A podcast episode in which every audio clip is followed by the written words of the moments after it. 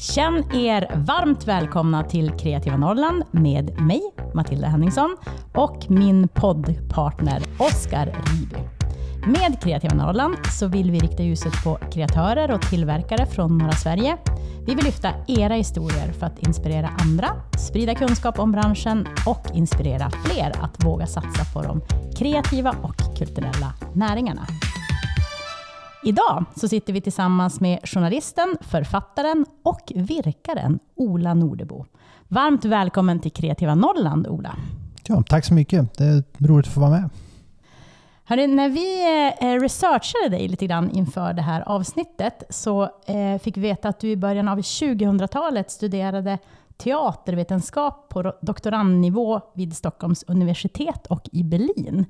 Jag tänker att det känns ju då som att du är djupt rotad i den kulturella branschen.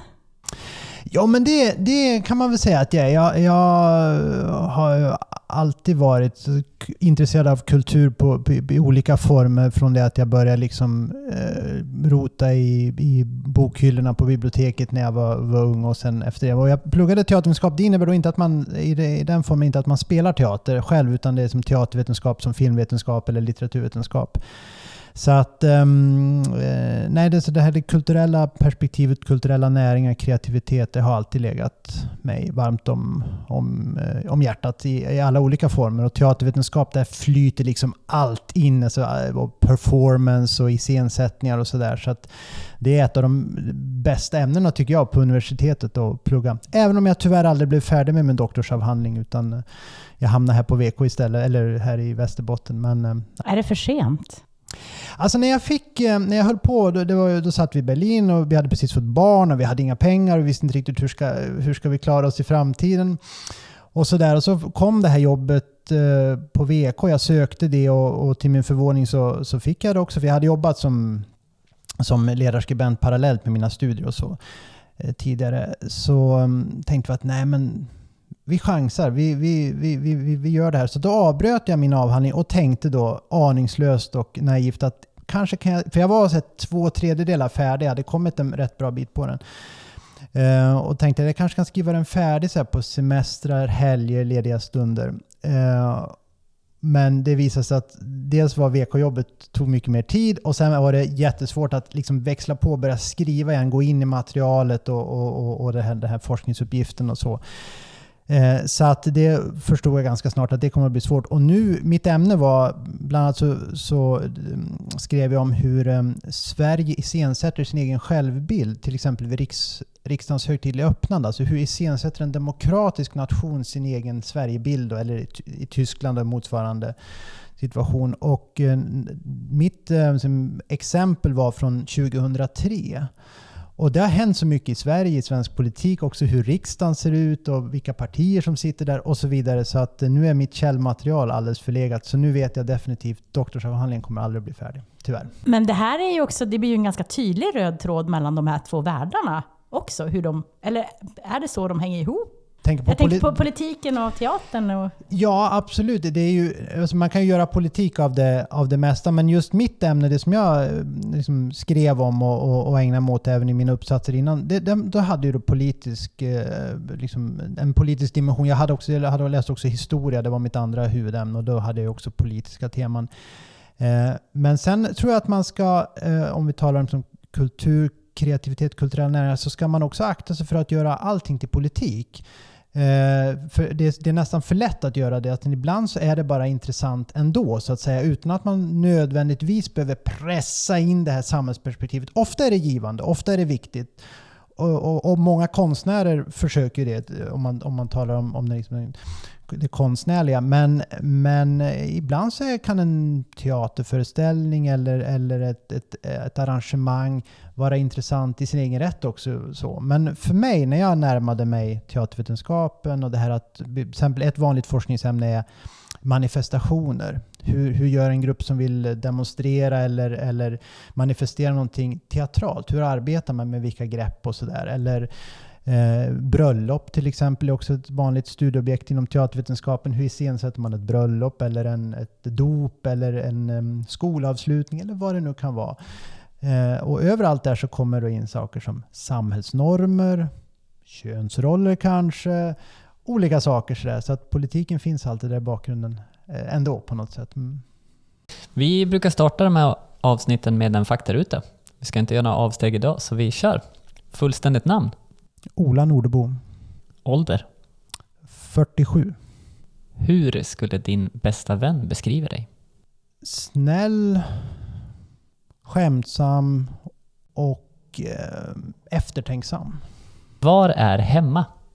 Nu, det var en mer komplicerad fråga än vad ni hade kanske tänkt. Alltså, jag har nu eh, efter 16 och ett halvt år i Umeå och Västerbotten eh, liksom i hjärtat känt att nu är Umeå och Västerbotten hemma. Jag har, min familj flyttade när jag var två år, så flyttade vi när jag var åtta år så flyttade vi så att jag har liksom brutit upp och sen direkt efter gymnasiet så flyttade jag också. Uppväxt, uppväxt i Hälsingland, eh, på en, ute på en inglesbygdsby på en del, ett deltidsjordbruk där. Eh, och när jag kom till Berlin, och då har jag sagt länge sagt Hälsingland, det är liksom hemma. Sen pluggade jag i Stockholm och bodde där tio år. Sen kom jag till Berlin och där bodde jag bara ett par år. Men jag blev så förälskad i staden och kände att det var den första liksom, plats som jag riktigt själv på något sätt hade erövrat. Att liksom upptäckt och tänkt att lilla jag vågade åka till en stad som Berlin. Jag är uppväxt liksom, som sagt på landet och liksom, inte världsvan överhuvudtaget. Så då kände jag i hjärtat att Berlin på något sätt, jag har alltid gått och tänkt att det vore roligt att få flytta tillbaka dit någon gång också. Vi fick barn där och så, där, så det var liksom sentimentala känslor. Men nu, de sista, sen, kanske sen pandemin kom på något sätt, så har jag bara upptäckt Nej, hemma det är Umeå och Västerbotten. Så att det är mitt svar. Umeå och Västerbotten. Härligt. Hur föddes din kreativa ådra? Den har nog alltid funnits där. Jag har nog alltid varit alltså, ansett som relativt kreativ eller okonventionell. Alltså någon som inte så nödvändigtvis följer alla mallar och mönster utan hittar på saker på eget sätt och är, och är liksom inte så brydd om vad andra tycker att är, får man göra så där eller så, så, brukar vi inte göra. Det är en sån fråga som jag, eller en formulering som jag hatar. Så där brukar vi inte göra. Eh, men jag skulle nog säga att, att eh, när jag var ung så var jag nog lite för osäker och lite för blyg och sådär för att riktigt leva ut det. Så att den har nu, kom nog i början, eller sena tonåren, början på vuxenlivet skulle jag säga. Där jag vågade, jag började skriva dikter eh, och, sk och, skriva offentligt också, insändare och sånt där som man gör när man är ung. Eh, jag började virka då som vi kanske kommer in på senare och jag började läsa teater. Alltså då, så att någon gång där, sena tonåren, eh, tidiga vuxenlivet, då vågade jag bli mig själv fullt ut om jag säger så. Eh, vad är kreativitet för dig? Jag tror att man, man, man, ehm, man, man vet det när man ser det. På sätt, man, man kan, jag tycker det är jättesvårt att definiera. Men jag kan, när jag tittar mig omkring så kan jag tycka att det där var kreativt. Eh, min, min definition av, av kreativitet kanske skiljer sig lite grann från andras idé på det sättet att jag tror att kreativitet egentligen bara är möjligt om man verkligen kan någonting riktigt bra. Alltså jag tror inte att kreativitet, man kan inte börja med att vara kreativ, kreativ utan de som är kreativa, de kan hantverket eller vad det är nu man sysslar med eh, väldigt bra. De har övat jättemycket fast det kanske inte syns. Jag brukar referera till pingstspelaren Jan-Ove Wallner till exempel. Man säger att han var så kreativ och så här. Han tränade naturligtvis häcken av sig innan för att kunna ha sin den här friheten och kreativiteten. Så för mig är kreativitet någonting som man kan leva ut när man har gjort grundjobbet först. Så att säga. Det, det är min lilla speciella take på det. Eh, och då kreativitet, att, att man man kan någonting så bra, man kan liksom hantverk så bra, så att man kan bryta mot normerna, bryta mot liksom reglerna, bryta mot det som är vanligt och hitta nya sätt att göra någonting på som andra inte har tänkt. Som inte kommit på. Ja, så kan man också göra. Så. Men jag tror att det kräver att man först, man kan inte börja med kreativt skrivande till exempel. Först måste man lära sig skriva, stava, grammatik, man måste lära sig hur man skriver en normal text och sen kan man blomma ut och vara kreativ efter det så att säga. Mm.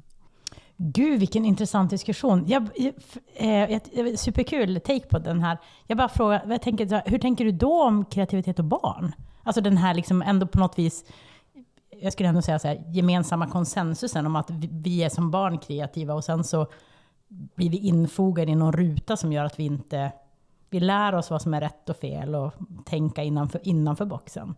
Nej, men klart, barn är ju kreativa i den att de, de, eftersom de inte är normerade så, så hittar de på saker som man inte har tänkt på, på själv, så att säga, naturligtvis. Men eh, så, som jag ser på hur man ska, be, alltså, ska bemöta barn eller vara i relation till barn eh, så tycker jag att man ska aldrig försöka låtsas som att, om, man säger, om det handlar om att lära sig ett musikinstrument till exempel, jag tycker det är ett bra exempel, att någon tar en gitarr och klankar på och så säger man direkt Jättebra, vad kreativ du är.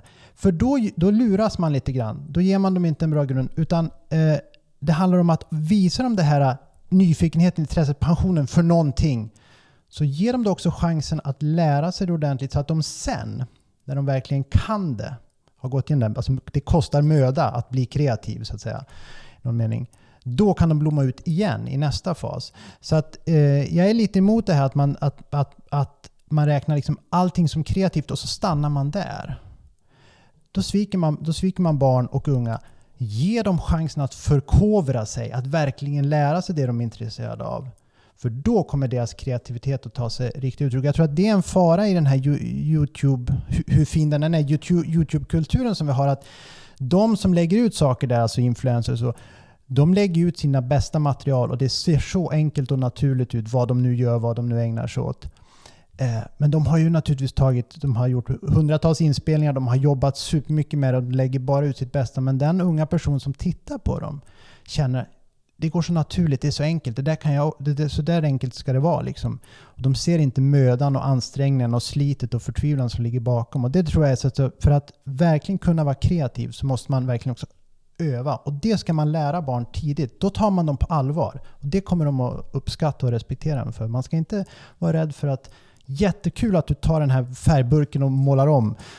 Om, här, om du gör så här så kan du få till en sån figur eller kan du lära dig det här perspektivet och så. Gradvis naturligtvis, men så, så, sån är jag. Sista avsnittet som vi släppte nu i höst var ju med Viktor Hillebjörk. Um, och där pratade vi ju ganska mycket om att, att det som med AI och allting som kommer, och liksom den, så det vi har kvar eh, som riktig konkurrenskraft som människor är ju liksom att vi kan tänka kreativt. Och nu inser jag när jag säger det högt att det har ju ingenting att göra med hur mycket kunskaper vi har. Det kan naturligtvis relatera till det också. Men vad, vad tänker du bara om, om den? Att, jag är väldigt intresserad av poesi till exempel. Det är viktigt för mig och har alltid varit sedan jag var, sedan jag var tonåring. Och där spekulerar ju nu data och språkforskare om att eh, ska, ska systemen kunna skriva poesi i framtiden.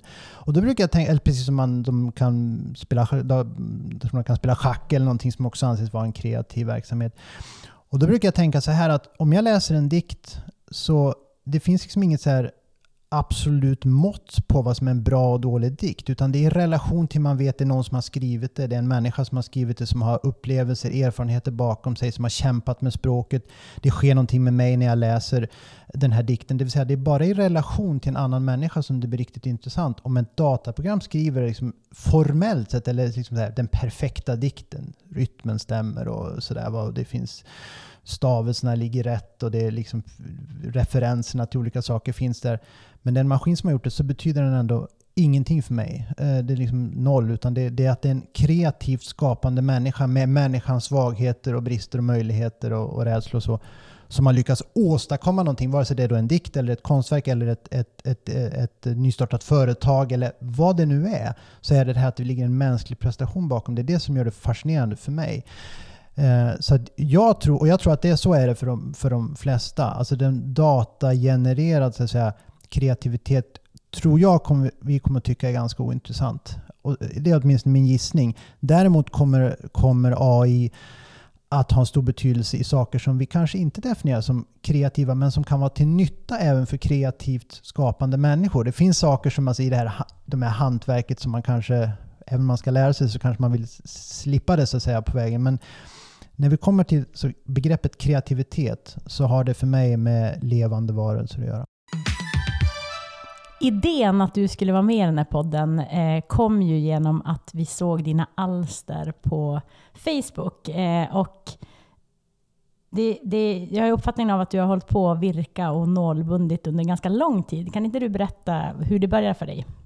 Absolut. Det, det var faktiskt min eh, mormor, som inte lever längre, men eh, hon var en sån här syjuntetant. Hon var aktiv i nykterhetsrörelsen och de hade en sån här syjunta och hon var jätteduktig på handarbete.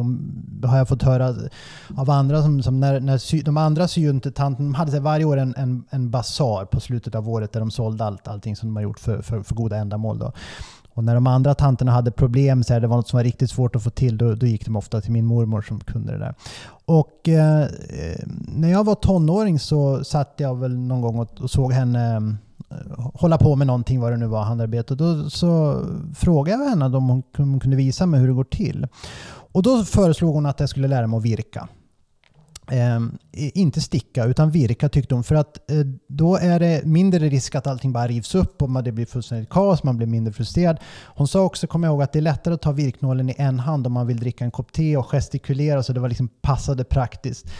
Och sen eh, visade hon mig hur, hur det gick till och jag fick börja där. Och jag tyckte det, den här rörelsen, hela känslan i handen, det var som en jag blev liksom bara förälskad i bara sitta och, och, och, göra de här maskerna. Så det var, jag vet inte, jag kommer inte ihåg exakt hur gammal jag var, men 16, 17, 15, 16 någonting sånt. Och sen dess så har jag virkat. Och det tog naturligtvis de första åren så, ja men som det gör som när folk gör någonting i, i syslöjden när de är barn. Alltså det var inte särskilt vackert eller elegant. Eller, jag hade liksom ingen stor repertoar, jag kunde inte göra så mycket. Jag kunde försöka göra någon mössa men den var deformerad och, och och inte alls i den storlek som jag hade tänkt mig. Och så där. Men, eh, men som sagt, trägen vinner, övning ger färdighet. Så jag fortsatte som jag tyckte att det var så, jag gillade garnet. Det finns lite olika nålar, olika storlekar på nålarna, att, att det märks hur, hur stora maskerna är. Så jag, jag fortsatte fast jag var jättedålig, usel. Och min mormor uh, var väldigt uppmuntrande och visade mig. Hon var liksom aldrig sett att hon recenserade något. Hon visade så här och sen kunde det utvecklas. Och sen så småningom tog det fart och, och, och Ehm, det blev som en del av min vardag. Jag lyssnar ofta på ljudböcker till exempel samtidigt som jag virkar. tycker jag är en, en perfekt kombination. Um, ofta när man satt och pratade med familjen och så, så satt, sitter jag ofta med, med någonting. Men det stora språnget sen, det blev när jag slutade virka så att säga, utifrån ska man säga, fasta mönster, alltså som man gör eh, bantar eller mössor eller halsdukar eller vad det kan vara. Och tänkte att det vore roligt, för jag, jag har som en sån här gammal förtjusning i gosedjur, figurer, så va. Eh, som, ja, jag, bara, jag gillar det. Jag, kan, jag brukar säga att vilken figur jag än ser eller gosedjur så vill jag ha det. Tänkte, jag virkar, det finns bomull som man kan fylla i. Varför inte? Jag kanske också kan göra en figur. Jag kanske är redo för det nu. Och så började jag med faktiskt att jag köpte någon bok där det finns, det finns ju böcker där man kan, så att jag lärde mig liksom grunderna. Och sen satte jag igång och göra kända figurer ur historien, ur litteraturen eller ur barnlitteraturen och sådär. Och dels tyckte jag att det var jättekul. Och jag började också göra, e, alltså jag började på fri hand, alltså utan för. Så. Eh, och jag tyckte att det blev ganska snyggt och jag märkte att omgivningen var fascinerade. Alltså de, ingen bryr sig om liksom, som, är, som lever med någon som handarbetar hela tiden. Så ännu en mössa eller ännu en halsduk. Ja, trevligt så. Men, men de här figurerna, det fängslar folks intresse.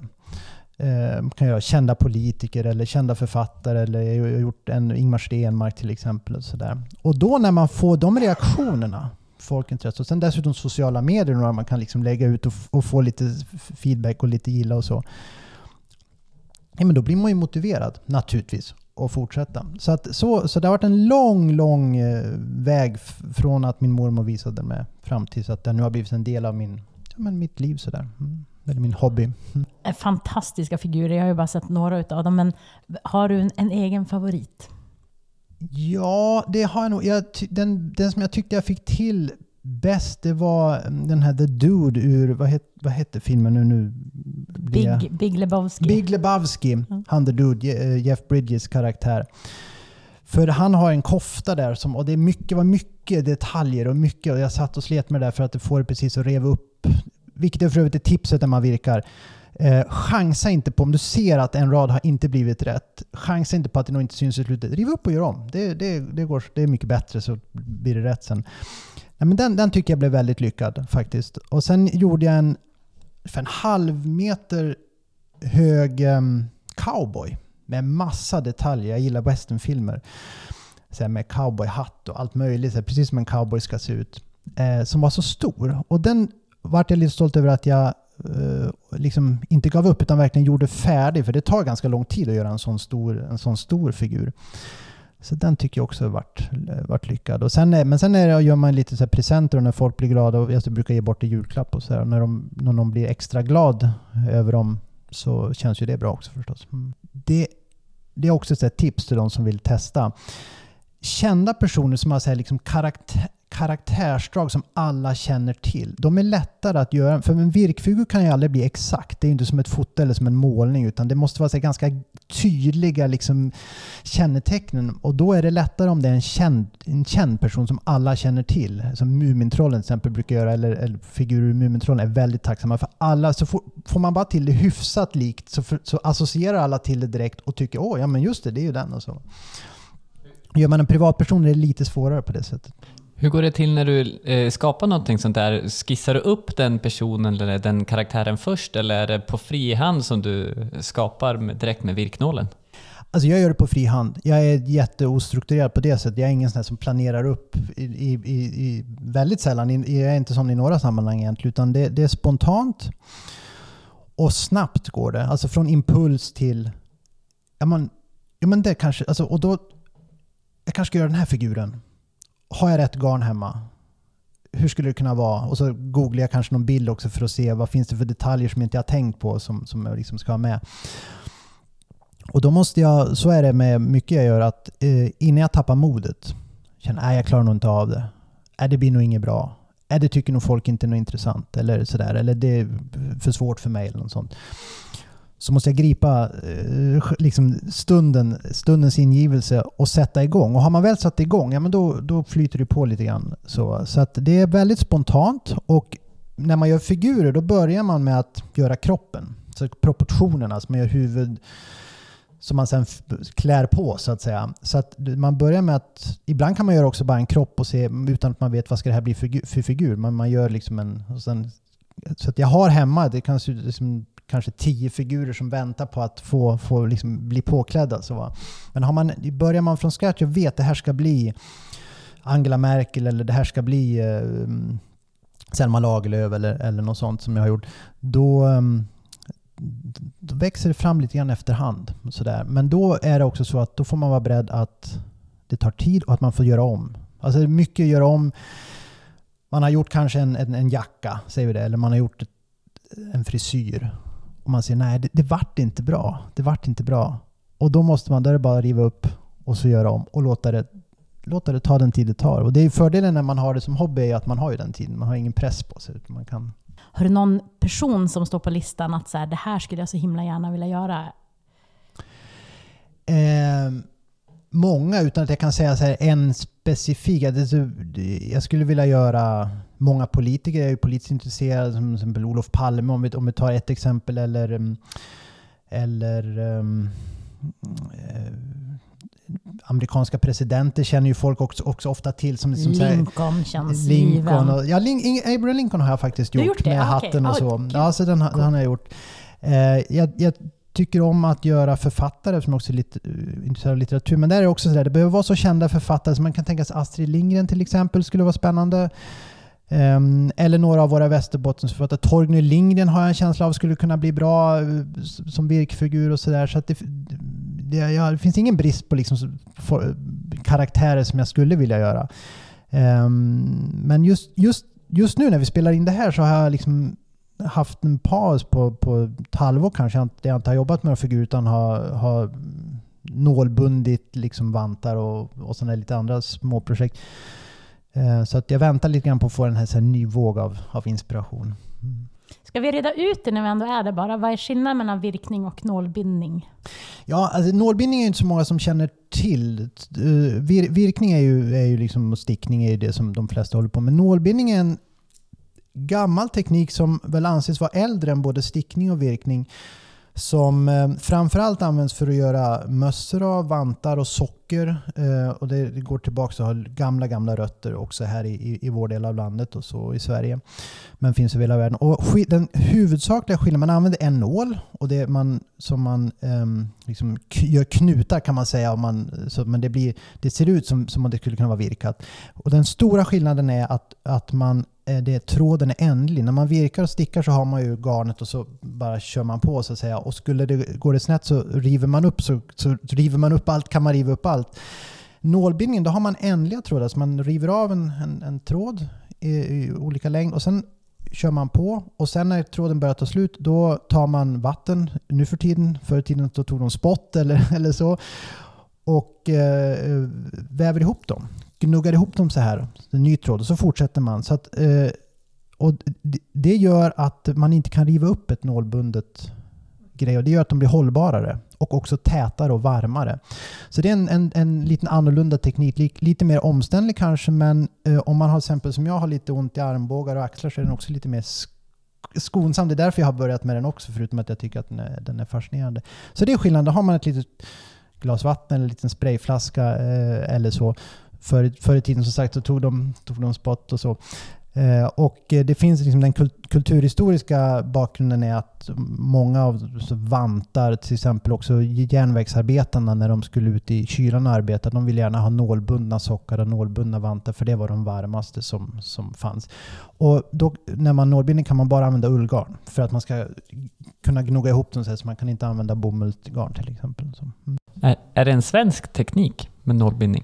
Eh, det beror lite grann eh, på eh, vilka böcker man läser. Alltså den finns runt om världen. Alltså, alltså att, att sy, I grund och botten syr man ju med en, med en nål. Och den, alltså den tekniken finns ju över hela världen. Så det är naturligtvis ursprunget finns någonstans, någon annanstans. Men det finns i eh, Sverige och Norge och Finland. Alltså, eh, det går långt tillbaka den traditionen. Också här. Just därför att, också på grund av vårt klimat. Alltså att det här att man gör alltså, sockar, vantar, mössor för vinterklimat. Det är ju liksom något speciellt också här uppe. Men det är ju en variation av en, av, av en nål och trådteknik som finns i, alltså, överallt i världen. På, fast där ser det lite annorlunda ut. Alltså de gör andra saker än, än vad man traditionellt sett har gjort i Sverige med nålbindning. Mm. Virkning och nålbindning är ju inte det enda sättet som du är kreativ på, utan du skriver ju väldigt mycket också. Eh, hur kan du liksom hitta en relation mellan de två hantverken? Eh, delvis det som jag sa i början också av samtalet att eh, grunden är eh, övning. Att man har jobbat hårt under många år för att lära sig hantverket. Så att säga. Skriva är också ett slags hantverk. Eh, det är den tydligaste kopplingen, alltså läroprocessen. Eh, Lycka lyckan när man känner att man behärskar någonting och att man har möjligheter att uttrycka sig, vare sig det är ett hantverksform eller skrivform och i, i skrivandet för att formulera saker som, som um, på sätt som kanske inte alla klarar av eller, eller, eller som inte alla kommer på att så kan man också formulera det. Och göra det också ställföreträdande för andra människor som, som, som går och bär på liknande tankar men som tycker att det är trevligt om någon som är kan skrivhantverket kan uttrycka sig, eh, liksom kan, kan hitta rätt ord för att beskriva eller förmedla någonting. Ehm, men sen kommer då, det är ju mer så att säga hantverksdimension, sen kommer den, den kreativa.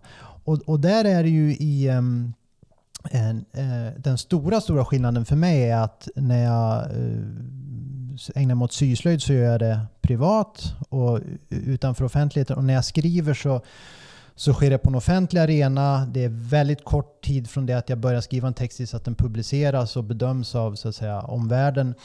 Så att eh, det är ju den, mycket, mycket högre press på en när man skriver offentligt. Och att då våga vara kreativ. Våga ta ut svängarna, testa nya grepp. Eh, bryta mot normerna för hur en tidningstext brukar se ut. Eh, våga följa sin egen idé om, om ett ämne till exempel. För det är ju där så som kreativiteten kommer till uttryck ofta. Så vinkla, perspektiv, sätt att ta sig an ett ämne.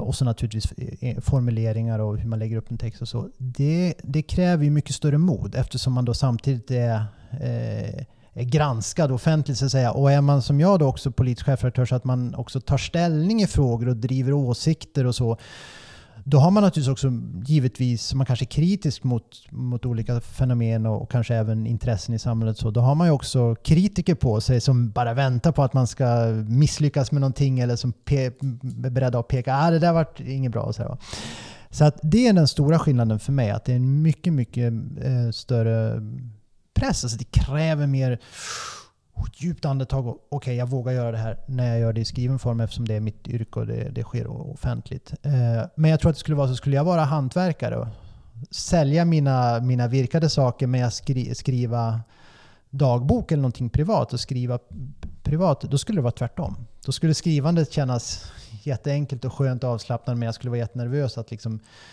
blotta mina produkter för, för liksom en offentlighet eller en kunskap. Så det, det, det är en, en, en, skillnad i det så att säga. Eh, I vilket, I vilket sammanhang, i vilket forum, för vilken publik man gör det. Men du skriver ju inte bara journalistiska texter, eller hur? Du skriver ju också poesi. Eh, och kanske ännu, hur, hur, hur blir den känslan där då? Ja, där för mig är det så eh, att jag skriver exempel, jag nämnde dag, jag skriver inte dagbok. Eh, därför att jag, kan, jag, jag får inte ur mig någonting i skriven form. Om jag inte vet att det är någon som ska läsa det. No, det måste vara någon som ska läsa det åtminstone. Eh, Vad intressant. Sådär. Så det är jag, nästan jag, jag, jag har liksom drömt om att eh, och tror att det skulle vara... Det är ju det här man talar om journaling, som man säger, bullet journaling. Alltså det är ju som terapeutiskt att man skriver och skriver varje dag, skriver av sig. Det behöver inte vara dagbok, utan det kan vara liksom andra typer av anteckningar. Så jag har drömt om det där. tror att det skulle vara bra för mig att göra det. Men jag sitter med pappret. Jag har skrivit tusentals, tusentals, tusentals texter i, i mitt liv. Hur mycket som helst. Eh, och får inte ur mig ett ord. Därför att det finns ingen publik. Jag har ingen deadline-press på mig. Eh, liksom det, det, är ingenting som står på spel. Och då, då kickar inte hjärnan igång. Då, då kommer inte orden. Då blir det inget bra. Då känner jag inte att det, liksom, det dansar inte utan det, det är bara stelt och onaturligt. Och varför ska jag skriva ner det här? Jag kan ju tänka det själv för mig själv. Liksom så. så skrivandet för mig har en, det är en relation till läsaren för, för, att det ska fungera för mig. Och då, då sätter man också någonting på spel. Man, så att man blottar sig lite man öppnar sig lite grann. Man ger iväg någonting som man hoppas att läsaren ska fullfölja eller känna är till nytta för någonting eller kanske reagera på. Det kan ju också vara kritiskt och så. så att, um, det, det, det, den kreativiteten uppstår bara i relation till andra människor, för mig. Den kreativiteten när du skriver, kommer den planerat eller är det liksom i själva skrivandet så inser du att här kan vi här kan jag göra på det här sättet, eller här kan jag vinkla om det, eller jag kan bryta mot de här liksom, grammatiska liksom, meningsstrukturen. Eller... Det, det, säger klick i magen för mig. Och det här är olika för olika. Så jag känner relativt många människor som, som jag betraktar som väldigt kreativa i sitt skrivande. Och det är olika för var och en. För mig säger det klick i magen. Plötsligt är en textidé där, eh, Eh, en ämnesvinkel, en formulering Det kan vara början på en text, det kan vara slutet på en text. Det kan bara vara en mening som jag känner det här var riktigt bra och originellt och intressant och säger någonting och samtidigt kanske stilistiskt funkar och sådär. Och då vet jag att då är hela texten hemma. Har jag någon sån i texten någonstans, en, en bra inledning, en bra avslutning eller någon formulering, eh, då kommer resten av sig själv. Och det, det går plötsligt så liksom, Plötsligt så är bara textidén där och sen, sen går det i en, för mig då, i en rasande fart och, och, och, och skrivas. Väl, jag skriver väldigt kort mot, kort liksom mot deadline. Jag sitter inte i flera dagar med text utan när jag väl sätter igång så går det på ett par timmar, tre timmar att skriva en, en, en, en längre krönika. Så. Eh, men den har ju mognat fram i, på något sätt i bakhuvudet. Den, den kanske har legat där utan att jag har liksom upptäckt det. Så har det, har det, man skriver utifrån erfarenheter, saker från man har läst, saker man har hört. Kanske formuleringar, ord, rytmer som man har haft i huvudet. Liksom, men plötsligt så faller allt samman och det finns där som en textidé så att säga. Så, så att spontant, snabbt med kort varsel. Det känns som att eh,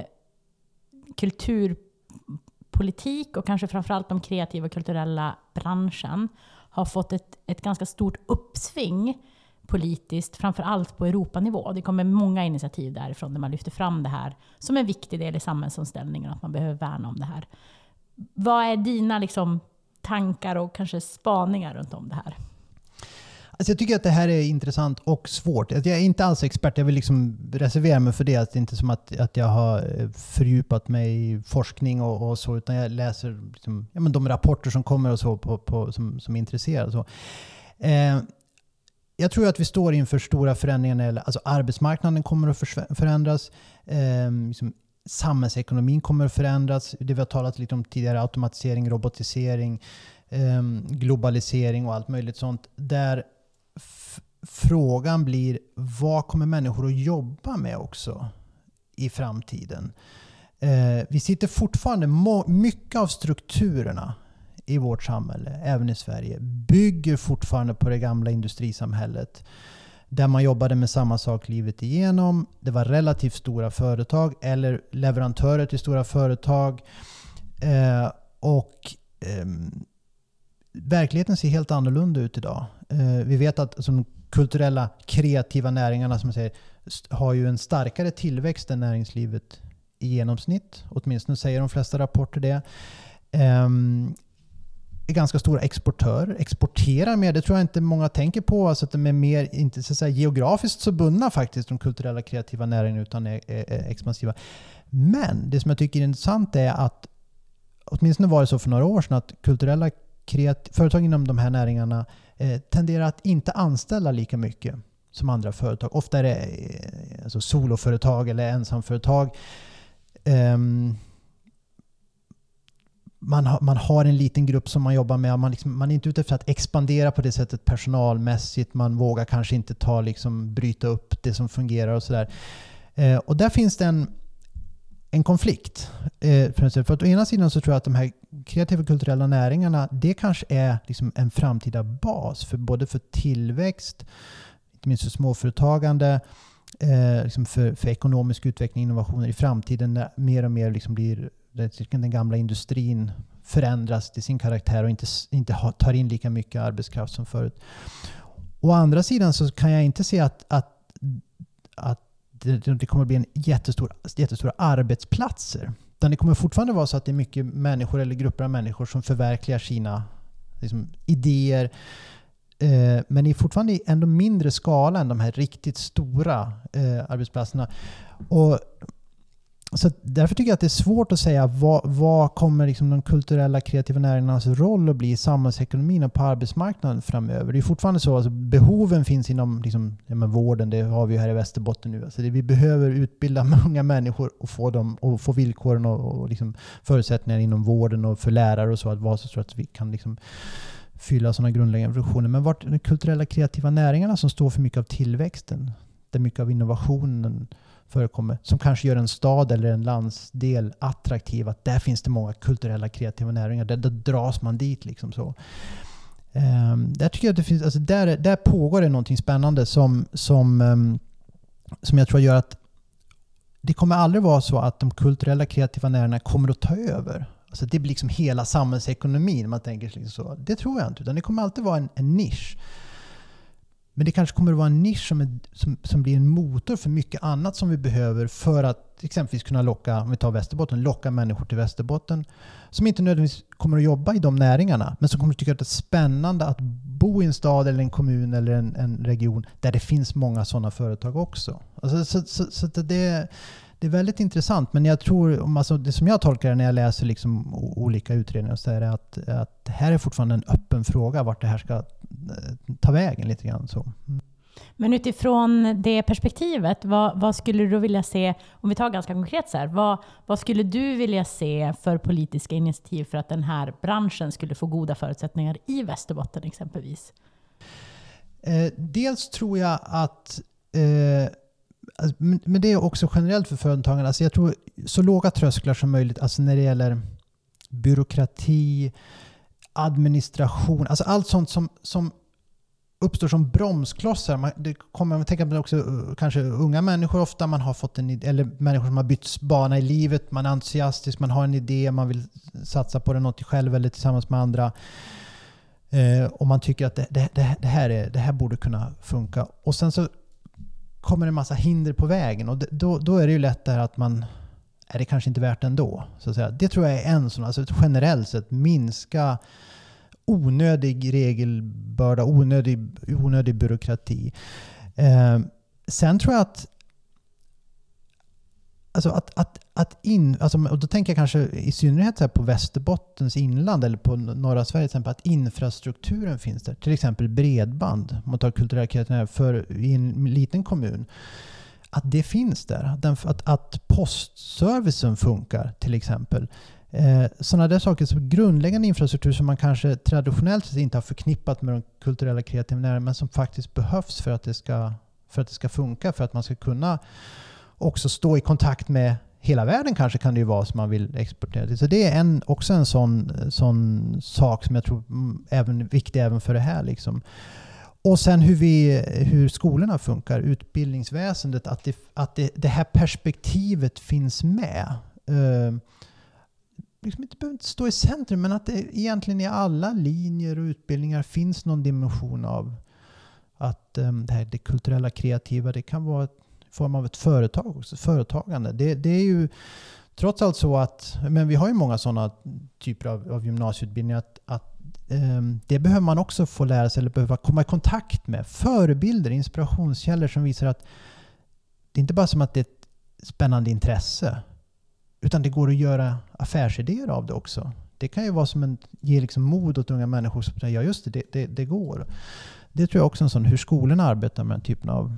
Och det kan hända, många gör ju det. det. det. har ju, om jag jämför med när jag gick på gymnasiet så har det ju hänt jättemycket i, i positiv riktning. Men det kan säkert göras, göras eh, mer. Och sen tror jag också eh, som jag tror mycket på det här att, att man möts över olika typer av av gränser på, på arbetsmarknaden och inom näringslivet och mellan privat och offentligt. Alltså, eh, nu talar vi väldigt mycket om, om liksom hur, hur kan man förändra vården så att fler människor får jobba där. Kanske de kulturella kreativa näringarna har, någon, har idéer och roller och spela i det för hur man skapar arbetsplatser, arbetsmiljöer som funkar.